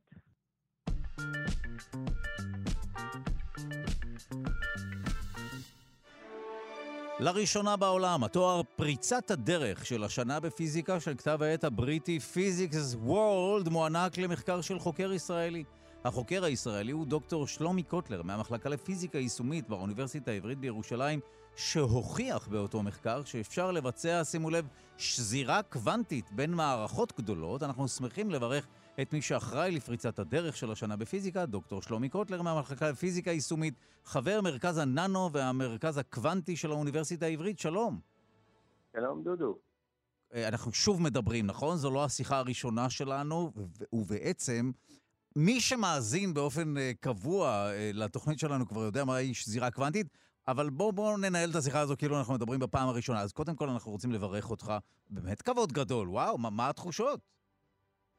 אה, היינו, גם אני וגם הקולגות, היינו די בשוק מזה. זאת אומרת, לא, לא צפינו את זה, כי זה פרס שבדרך כלל ניתן לפרויקטים מאוד גדולים. נגיד גילוי גלי גרביטציה, שזה פרויקט של עשרות שנים וקרוב לאלף אנשים, או אה, הנחתת אה, גשושית על אסטרואיד. נו, תראו. לא, לא חשבנו במובן הזה. וואו. חושב שהשנה הם החליטו ללכת מהגדול גדול אל הקטן קטן. לא, לא. אה, אה, אתה, אתה, אוקיי. אז אתה אומר שהם הלכו על משהו ספציפי יותר, זה, זה לא שאתה מקטין בערך המחקר שלך. לא, אני אומר שה... גשושית שנוחתת על אסטרואיד או גלי גרביטציה זה ניסויים גדולים. כן. קילומטרים. אוקיי, הבנתי. ופה פיזית. זה ניסוי שגודלו כעובי שערה. אז ניסוי הרבה יותר וואו. קטן, ו- ו- זה שזה זה, זה מצא חן ביניהם ועניין אותם, זה כמובן אה, מאוד מאוד מאוד שמחנו ומאוד הופתענו. והרשימה, אגב, להיות נספר. למאזינות ולמאזינים, סליחה שקטעתי אותך, אבל הרשימה הייתה ארוכה, זאת אומרת, התחרות הייתה עם באמת כל מיני מחקרים, כמו למשל מחקר שבו אפשר, שבו נמדדה, נמדד השדה המגנטי של חור שחור, התקדמות לקראת היתוך גרעיני מבוקר, תרגום מחשבות של אדם משותק לדיבור. אה, היה גם עוד מחקר ישראלי אה, בהובלת פרופסור מרדכי שגב מהטכניון, שבו הצליחו החוקרים לאחד אלומות לייזר לקרן אחת, ובסופו של דבר המחקר שלך נבחר. שוב, אתה צודק שהם הלכו באמת על דברים כביכול קצת יותר קטנים, פיזיים אולי, כמו, שוב, לא, לא כולם, לא כל הקטלוג שהצגתי הוא כזה, אבל הנה, בסופו של דבר נבחרת. כן? אני, מן הסתם, אנחנו מאוד מאוד מאוד מאוד שמחים. אז, אה, אז. עכשיו, אחרי שנתנו לך את הכבוד הלגמרי מגיע לך, בוא תשלם את המחיר ותספר לנו מהי שזירה קוונטית. האמת שזו תופעה שכן שווה להכיר, זאת אומרת, זה לא משהו אה, אה, אזוטרי, כי יש דבר כזה והוא הוא נשמע פלאי ברגע הראשון. מהי באופן כללי שזירה קוונטית, ואז נשמע מה אתה עשית.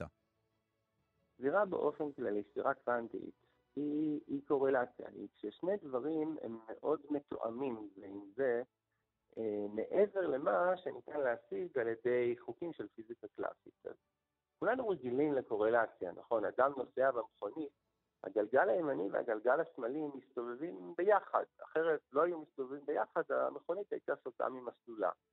אבל הדבר הזה, נגיד תיאום בין גלגלים של מכונית אה, רגילה, זה קורלציה קלאסית, וניתן להשיג אותה באמצעים קלאסיים על ידי זה שאתה שם מוט ביניהם שמקשר בין. אה, אבל מסתבר שפיזיקה קלאסית היא מוגבלת בכמה שהיא יכולה לתאם בין שני גופים שונים. כלומר, אם, תעש, אם היית עושה זום אין, הגדלה, ומסתכל על הגלגל הימני והשמאלי של המכונית שלך, היית רואה שהם כמעט מתואמים, אבל לא באופן מושלם. מדי פעם זה זז טיפ-טיפה שמאלה וטיפ-טיפה ימינה באופן מיקרוסקופי, ככה שהם לא לחלוטין מסכימים.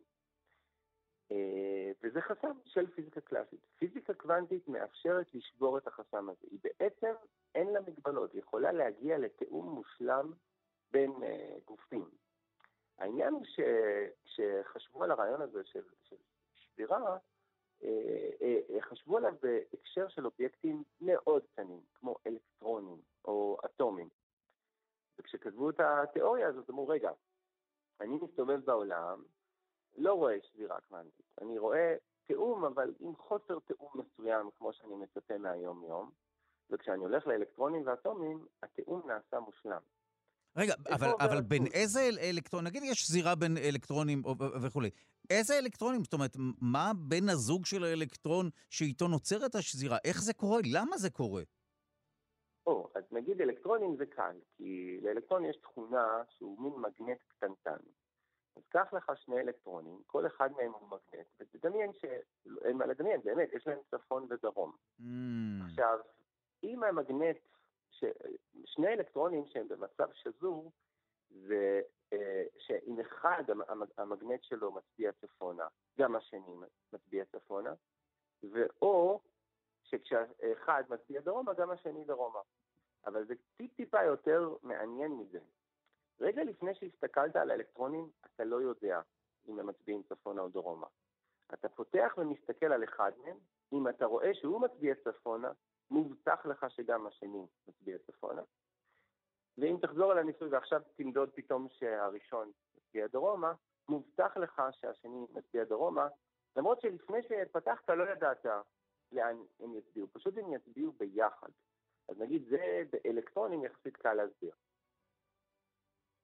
אנחנו מנסים להבין, אז איך זה קורה לא באלקטרונים? אוקיי, אז שם יש סוג של מוט, כפי, ש, כפי שהיטבת אה, להשתמש במטאפורה הזו של אה, גלגלים ברכב.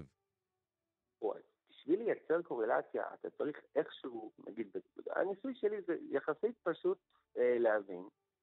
אה, האובייקטים הם כבר ממש לא אלקטרונים, כל אחד מכיל בערך טריליון אטומים, אה, וכל אחד מהם אומנם קטן, אבל גודלו כעובי שערה. עובי שערה זה כבר משהו שבני אדם יכולים למשש ולהרגיש.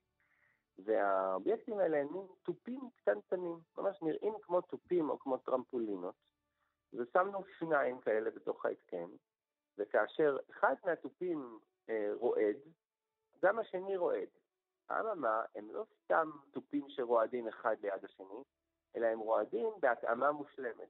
כשאחד הוא בקצה התנועה שלו, גם השני הוא בקצה התנועה שלו, וכשהאחד הוא במינימום התנועה שלו, גם השני הוא במינימום התנועה שלו, אבל לא סתם, הם עושים את זה בצורה שלא משנה מה היית עושה בפיזיקה קלאסית, לא היית מצליח אה, להגיע לתיאום המושלם הזה.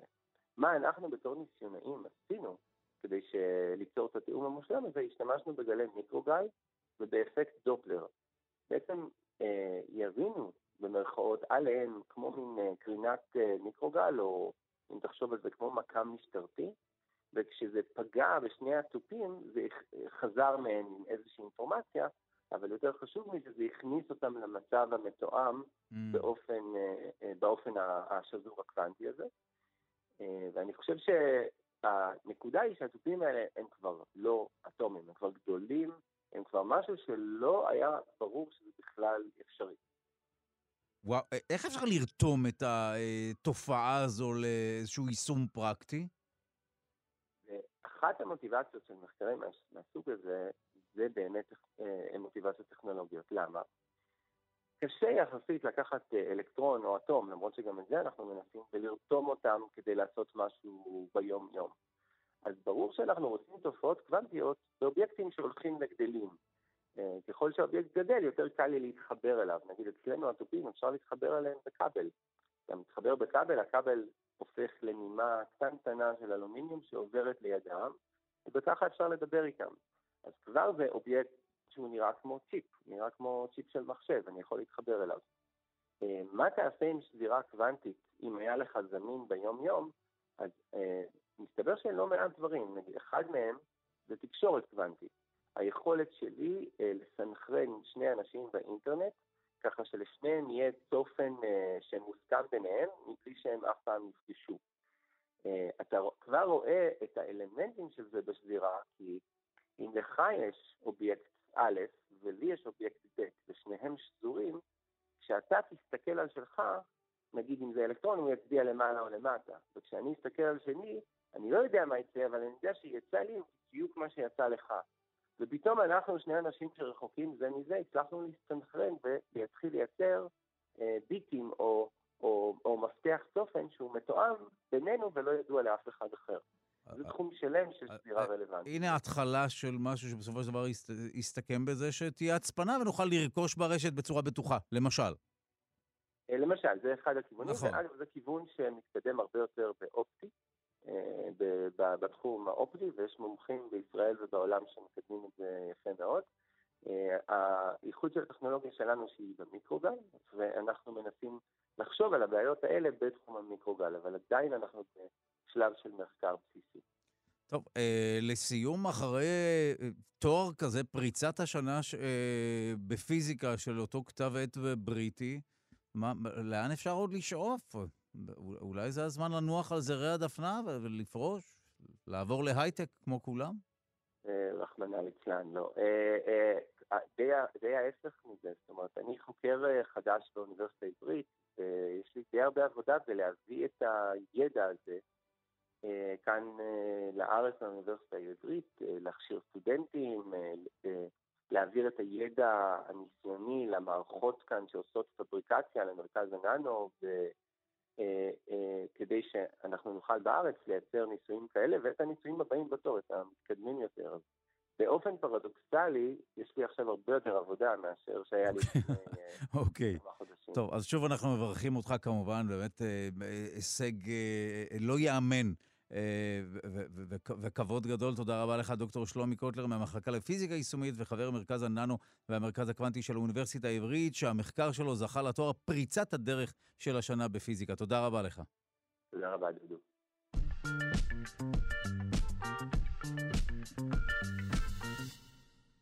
ריקוד ההזדווגות של עכבישי המשי הזהוב, גרסת המודל הפיזיקלי.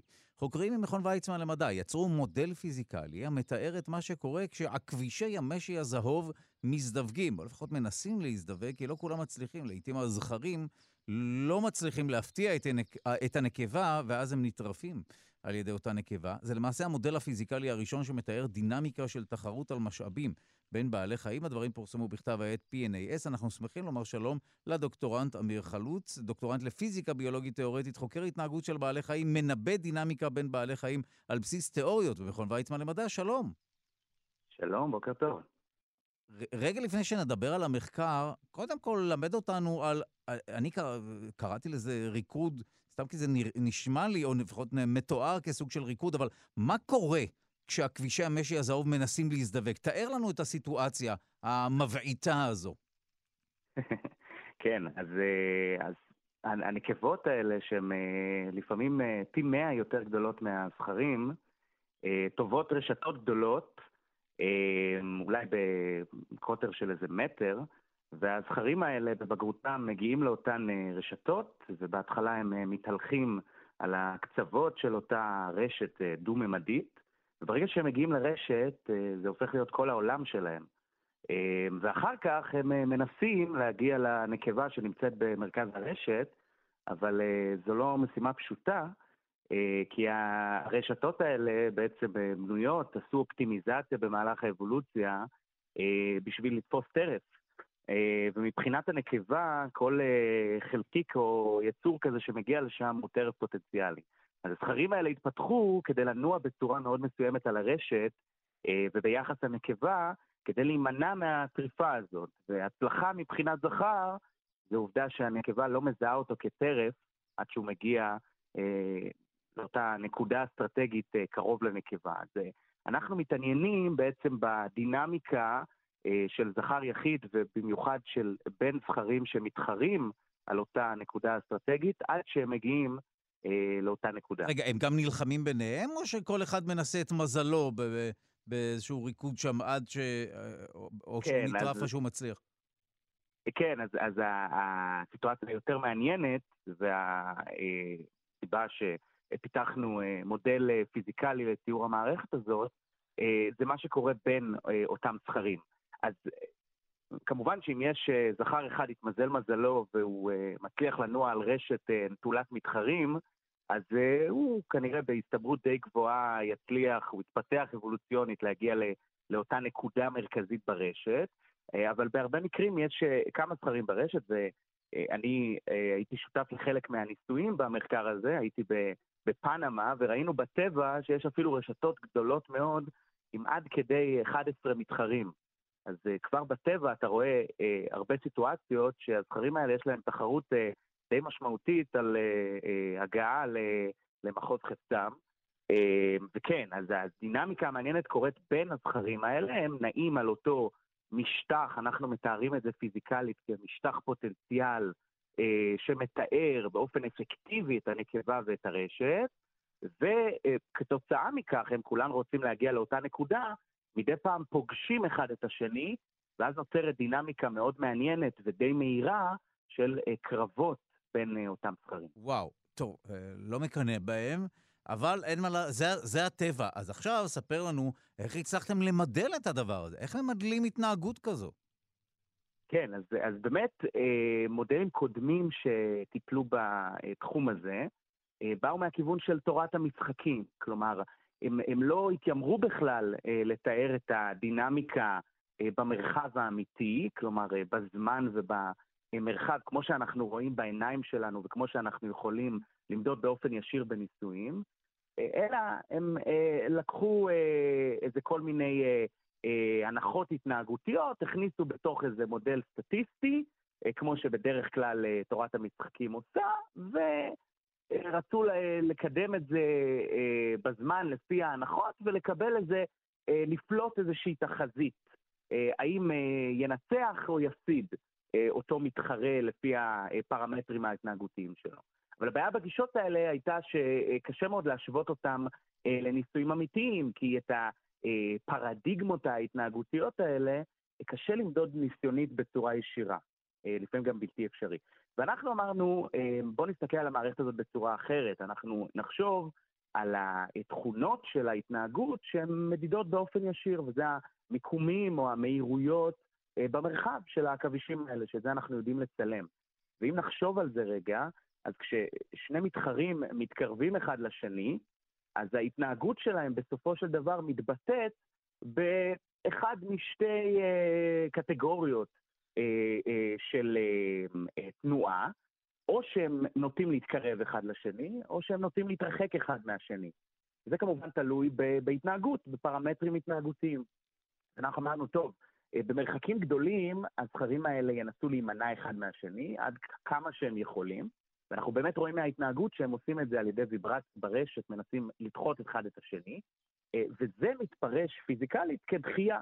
אז אה, במרחקים גדולים יחסית, יש כוחות של אה, דחייה אפקטיבית. למה אפקטיבית? כי זה לא דחייה פיזיקלית אמיתית כמו בין חלקיקים, אבל זה מתבטא כדחייה כשאנחנו מסתכלים על ההתנהגות. כלומר, הם נוטים להתרחק אחד מהשני.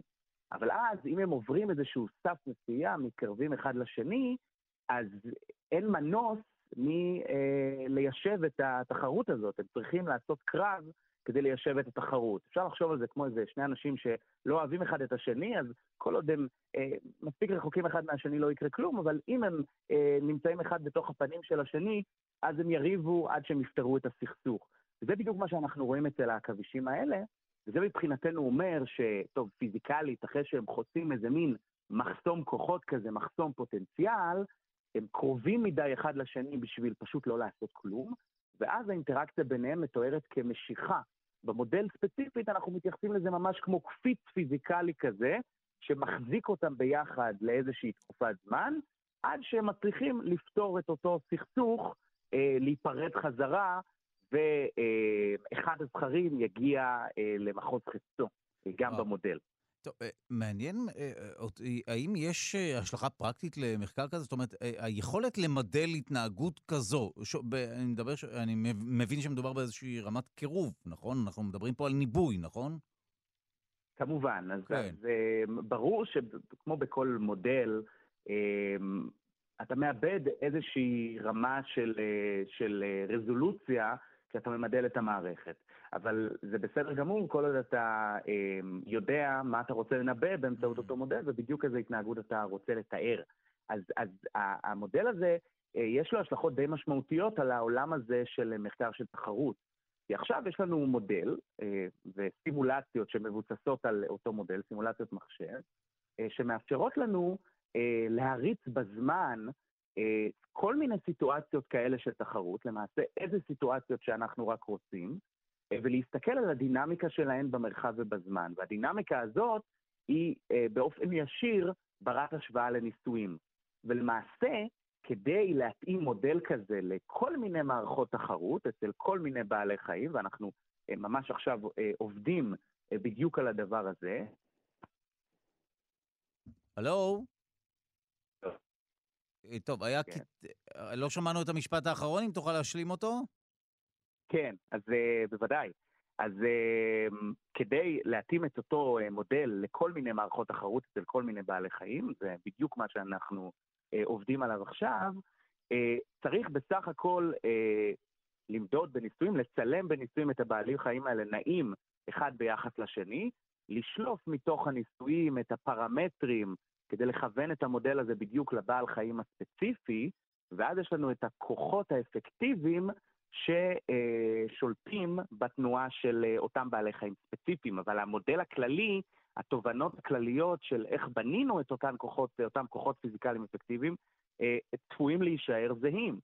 ואז יש לנו אה, דרך ישירה לקשר בין ניסויים של תחרות בין בעלי חיים, בלי יותר מדי פרשנות קוגנטיבית, כי אנחנו שולפים מתוך הניסויים מידע לגבי מה שאנחנו ממש רואים, המדידה המיידית ביותר, שזו התנועה של בעלי החיים, ושמים אותם בתוך המודל, וממנו אנחנו מקבלים ניבויים או אה, תחזיות אה, בהתאם לאותם פרמטרים. אז אה, יש לנו פה כלי אה, אה, ניבוי מאוד חזק גם באופן כללי לגבי תחרויות, אנחנו חושבים שיש כאן מעניין. כל מיני דברים שהם חוזרים שוב ושוב, וגם באופן ספציפי. טוב, תודה לך על השיחה הזו. אמיר חלוץ, דוקטורנט לפיזיקה ביולוגית תאורטית, חוקר התנהגות של בעלי חיים, מנבא דינמיקה בין בעלי חיים על בסיס תיאוריות במכון ויצמן למדע. תודה רבה.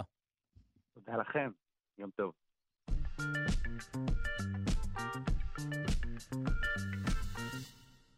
פריטים עתיקים שנתפסו בשכונת מוסררה הם שלל שהחרימו לוחמי מרד בר כוכבא מחיילים רומאים, כך מעריכים ברשות העתיקות. בשבוע שעבר הבחינו בלשי תחנת משטרת לב הבירה בירושלים במהלך פעילות שגרתית בשכונת מוסררה ברכב שנסע נגד כיוון התנועה. בלשים עצרו את הרכב וגילו לתדהמתם את הממצאים. בתא, בתא המטען נמצאו שם ממצאים ארכיאולוגיים מדהימים. שלום לאמיר גנור, מנהל היחידה למניעת שוד ברשות העתיקות, שלום. בוקר טוב. למד אותנו מה בדיוק נמצא באותו רכב, מה הם אותם uh, ממצאים שככל הנראה היו שייכים ללוחמי מרד בר כוכבא? טוב, נמצאו כלי מתכת uh, בני אלפיים שנה, מהתקופה הרומית, uh, שבעצם היו שייכים לחיילים רומים. למה, איך אנחנו יודעים על זה? כי יש עליהם עיטורים פגאנים שלא מתאימים ליהדות, כמו דמויות מהמיתולוגיה היוונית, ובעלי חיים ודברים כאלה. והלוחמים של מרד בר כוכבא היו בדרך כלל פושטים על החיילים הרומים ותופסים להם שלל. ואז לוקחים את השלל הזה אל הבסיסים שלהם, שהיו מתחת לאדמה בתוך מערכות מסתור. אבל אם הם היו רוצים להשתמש באותם אה, פריטים, הם היו צריכים אה, לבטל את אה, נושא העבודה זרה. אז היו באים, ואחד הדרכים לבטל את העבודה זרה זה לקצץ את הקצה של האף, של הדמות. אה, ולכן כך ידעתם שזה... שזה לא היה שייך ישיר, זאת אומרת שזה עבר דרך אותם לוחמים, אה, לוחמי מרד בר כוכבא, ולא ישר הגיע מהחיילים הרומאים. בדיוק, אנחנו כבר אה, למודי ניסיון, מצאנו מספר פעמים את הדבר הזה במערכות מסתור, ובמחקרים שעשינו ראינו שבעצם בפעם הראשונה שמצאנו את זה, אמרנו איך זה יכול לקרות. אחרי זה הלכנו ובדקנו, ובעצם אה, רואים שזו תופעה שחוזרת על עצמה מספר פעמים. לכן ידענו.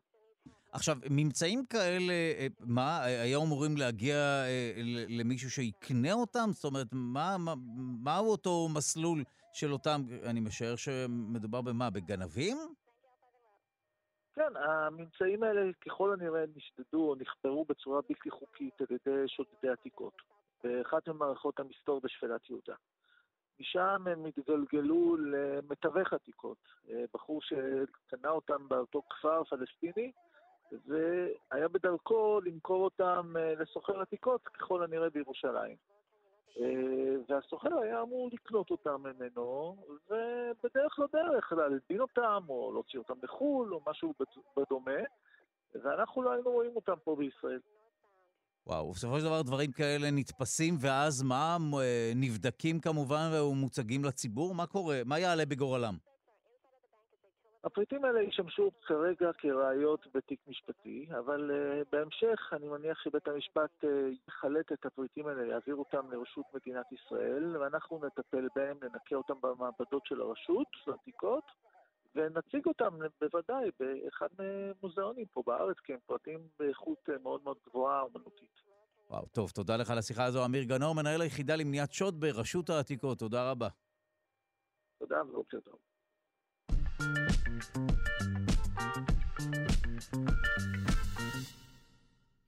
אילון מאסק הוא איש השנה של המגזין האמריקאי Time. האם בזכות הטסלות שהפכו להיות חלק מהחיים שלנו? האם בזכות השיגורים לחלל שהמשיכו השנה ביתר שאת? האם בשל שאיפתו לאכלס את מאדים? מי שוודאי אה, יודע או מכיר את התשובות לשאלות האלו הוא מידד פריאנטי, יזם, מהנדס חלל וסמנכ"ל לטכנולוגיות ב Sky and Space Global. שלום. בוקר טוב, דודו. גם עשיר, גם מוצלח, אה, גם נבחר להיות איש השנה של המגזין האמריקאי טיים. מה אפשר לרצות עוד? שאלה מצוינת, אה, ואני חושב שגם אה, אנחנו צריכים לשאול למה דווקא השנה.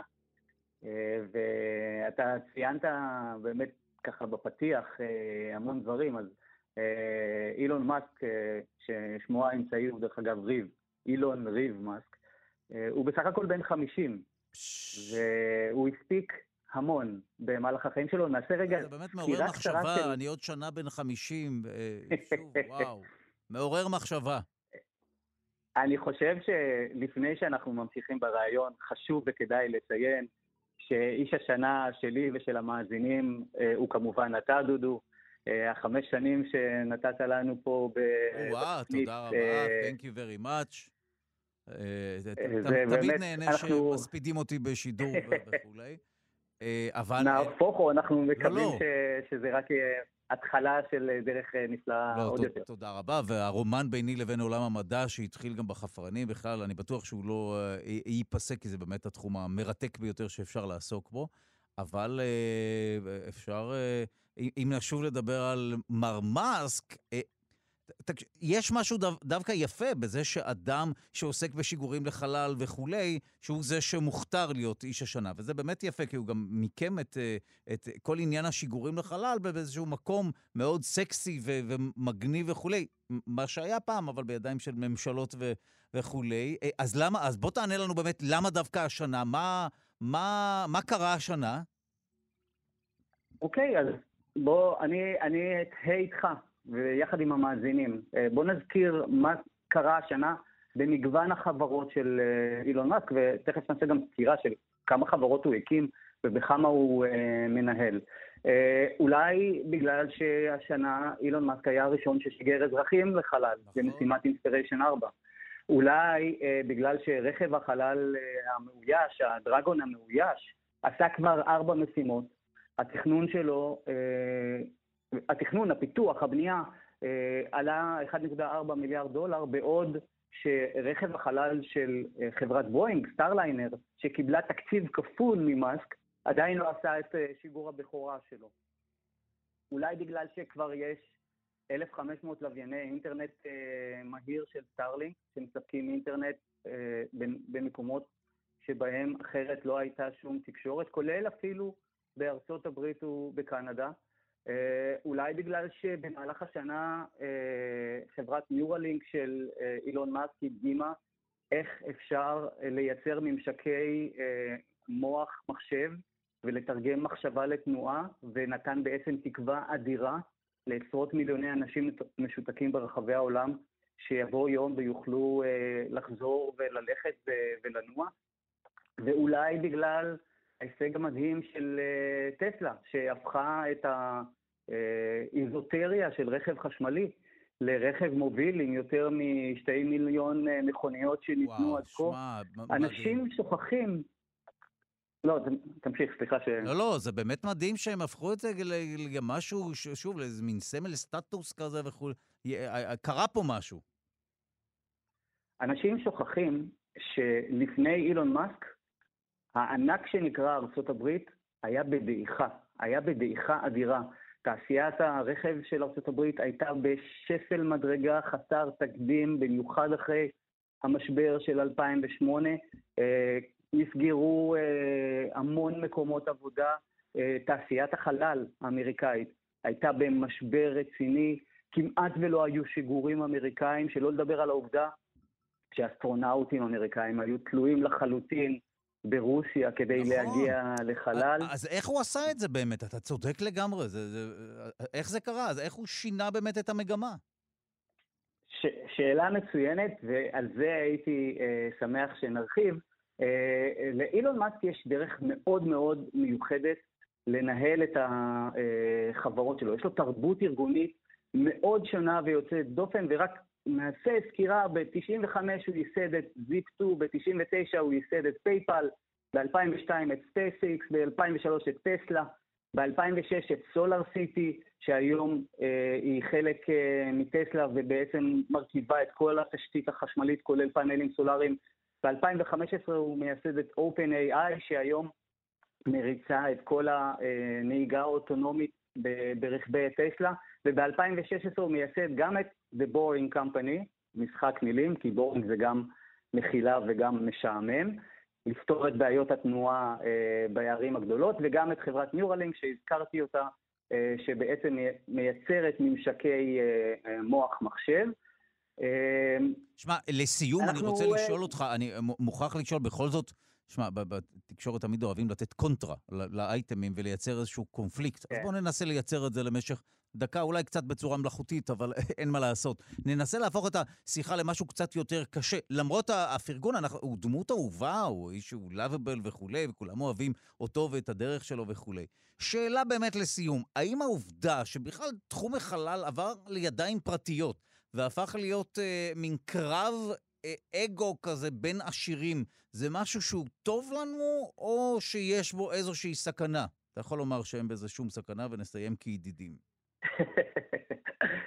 קרב אגו לא טוב בשום מקום, אה, אבל אה, במקרה של מאסק מדובר למעשה על שליחות, וזה אחד הדברים. דיברתי על תרבות ארגונית, ואני יכול לתת פה כמה וכמה דוגמאות על איך החברות שלו שונות, בין אם העידוד של מאסק לבטל את כל נושא שרשרת הפיקוד ולאפשר לאנשים מכל אה, מחלקה לדבר בכל רמה ניהולית עם כל מחלקה אחרת. למעשה הוא אפילו מפטר מנהלים שכופים שרשרת ניהול על העובדים שלהם ומונעים מהם גישה חופשית ושיחה חופשית. וואו. Uh, המיקוד, המיקוד הניהולי, מי שיצא לו להיות ברוקט רוד 1, הות'ורן, המטה של SpaceX, אה, יכול לראות את זה מיידית. אתה ניגש לשומר בשער ואתה שואל אותו, סלח לי, מה זה פה? והוא יגיד SpaceX, ואז תשאל אותו, ומה אתם עושים? והוא יגיד, מה זאת אומרת? אנחנו מביאים את האנושות למאדים. המיקוד של אילון מאסק לא קשור לאגו, זה פשוט משימה, בכל פעם שהוא לוקח על עצמו משימה, הוא עושה משהו מעשי, הוא בונה משהו, הוא מייצר משהו, וואו, והוא עושה לא כל הדרך, וזה לדעתי ההבדל הגדול, בניגוד לשאר האגואים, לא נזכיר אותם בשמם כדי לא לתת להם את התענוג הזה, שים לב שהם נתנו לנו אה, פתרונות תוכנה ו- ו- וסביבות אה, שנועדו בעיקר להגדיל את האימפריות שלהם. אילון מאסק, כל דבר שהוא עושה, למעשה עוזר לאנושות. וואו. טוב, ולכן טוב, הוא ש... איש השנה. לגמרי, וטוב, אתה משכנע את המשוכנעים, הייתי חייב לתת את הקונטרה בסוף כמובן. תודה רבה לך. מידד פריינטה יזע, מהנדס חלל, סמנכ"ל טכנולוגיות בסקיי אנד ספייס גלובל, תודה רבה לך על השיחה הזו. תודה דודו, ושיהיה לנו שבוע מצוין.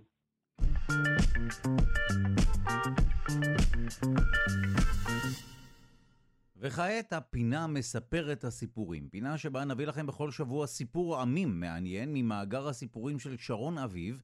מספרת הסיפורים מנהלת מרכז גולם, המרכז הרב-תחומים למספרי סיפורים. קחי את זה מכאן, שרון. השבוע ציינו ברחבי הארץ את שבוע הנערה הישראלית. זה הזכיר לי סיפור שמתגלגל ברשת, בת הטבח. ואני אספר אותו בגרסה שלי. היא הייתה נערה שבדיוק התחילה ללכת לחטיבת הביניים. אבא שלה היה טבח באחת המסעדות המקומיות. יום אחד חזרה נסערת מבית הספר. היא לא ידעה לאן ללכת, לכן הלכה ישר למקום העבודה של אביה. היא התפרצה אל המטבח ואמרה לו, אבא, החיים כל כך קשים. מה קרה? הוא שאל אותה, והיא אמרה, יש לי כל כך הרבה בעיות. אני מרגישה שהמורים שלי לא מבינים אותי, שהחברים שלי לא מכירים אותי באמת. חשבתי שאני מאוהבת בנער אחד, אבל בעצם אני בכלל לא מאוהבת בו. אין לי מושג מה אני רוצה לעשות בחיים ומה אני הולכת לעשות בחיים. אוף, למה החיים כל כך קשים ומסובכים? למה יש תמיד כל כך הרבה בעיות? אבא שלה חייך אליה. למזלם זו הייתה שעת אחר הצהריים, שעה שקטה יחסית במטבח של המסעדה. והוא אמר לה, בואי, יש לנו קצת זמן, בואי ניגש אל הקיריים. הוא הוציא שלושה סירים באותו גודל, הניח אותם על הקיריים, מילא אותם באותה כמות של מים, ואמר לה, עכשיו תדליקי את האש. הם עמדו שם, ורק התבוננו במים. מבעבעים אט-אט, רותחים, והוא אמר לה, את רואה? אלה החיים. המים רותחים לפעמים. לפעמים יש שערות, לפעמים יש בעיות, אבל זה מה שהופך את החיים למעניינים. השאלה היא, איך אנחנו בוחרים להתמודד איתן? בואי נסתכל. הוציא גזר אחד והניח אותו בסיר הראשון. הוא הוציא ביצה אחת והניח אותה בסיר השני. הוא הוציא חופן פולי קפה ושפך אותו אל הסיר השלישי. הם עמדו והתבוננו. בגזר, בביצה, בפולי הקפה. המים ביבעו, ואחרי זמן מה, קיבע הטבח את האש. עכשיו בואי נראה מה קרה להם. הוא הוציא את הגזר, הניח אותו על צלחת, את הביצה לקערה, ואת המים מהסיר השלישי מזג לכוס והניח על השולחן. מה את רואה כאן? הגזר, שהיה קשה, נכנס למים הרותחים ואיבד כל צורה. איבד חוט שדרה. הביצה שנכנסה למים רכה, שברירית, עם קליפה דקה, הפכה במים הרותחים לקשה. ופולי הקפה, הם נכנסו למים, נתנו למים להשפיע עליהם, והשפיעו עליהם בחזרה. והנה הם הוציאו מתוך עצמם את התכונות הטובות ביותר שלהם, והפכו את כל המים לקפה שמריח נפלא. עכשיו אני שואל אותך, אמר הטבח לביתו, איזה טיפוס את תבחרי להיות? איך תבחרי להתמודד עם בעיות החיים? האם תהיי כמו הגזר, שמכל דבר קטן, מכל בעיה, מאבד את עמוד השדרה, את דעתו ואת דעותיו? האם תבחרי להיות הביצה שמול בעיות החיים מתקשחת ומתכחשת לרגשותיה? או האם תבחרי להיות פול קפה שנכנס למים, מתמודד איתם, נותן למים להוציא ממנו את האיכויות הטובות ביותר, ואף משפיע מהן על סביבתו והופך אותה למשובחת וטובה יותר. החוכמה בחיים היא להפוך כל חיסרון ליתרון. הנערה הקשיבה. היא לגמה אט-אט מכוס הקפה, והיה נדמה לה שכוחותיה חוזרים אליה. היא חיבקה את אביה, ובלי לומר מילה, יצאה משם. ואנחנו, איך אנחנו נבחר להתמודד השבוע? האם נוכל להפוך חיסרון ליתרון? אז ספרו סיפור טוב השבוע. אתם יודעים, סיפורים טובים נשארים לתמיד. אנחנו סיימנו את התוכנית להיום, נספר לכם מי על על המשדר העורך שלנו, רז חסון, המפיקה אלכסנדרה לוי, קרל הביצוע הטכני, די.ג'י אלון מקלר. תודה רבה ליגאל שפירא שמלווה אותנו. אתם ואתן מוזמנים ומוזמנות להצטרף לקהילה הרשמית של שלושה שיודעים בפייסבוק, כאן שלושה שיודעים. נזכיר שאפשר להאזין לשלושה שיודעים גם כהסכת בכל זמן ובכל מקום באמצעות היישומון של כאן, גם באמצעות ספוטיפיי, אפל וגוגל, שיהיה לכם יום נעים ושקט, שמרו על עצמכם, הקפידו על עטיית מסכות, גשו להתחסן אם לא עשיתם כן מחר, תוכנית חדשה להתראות.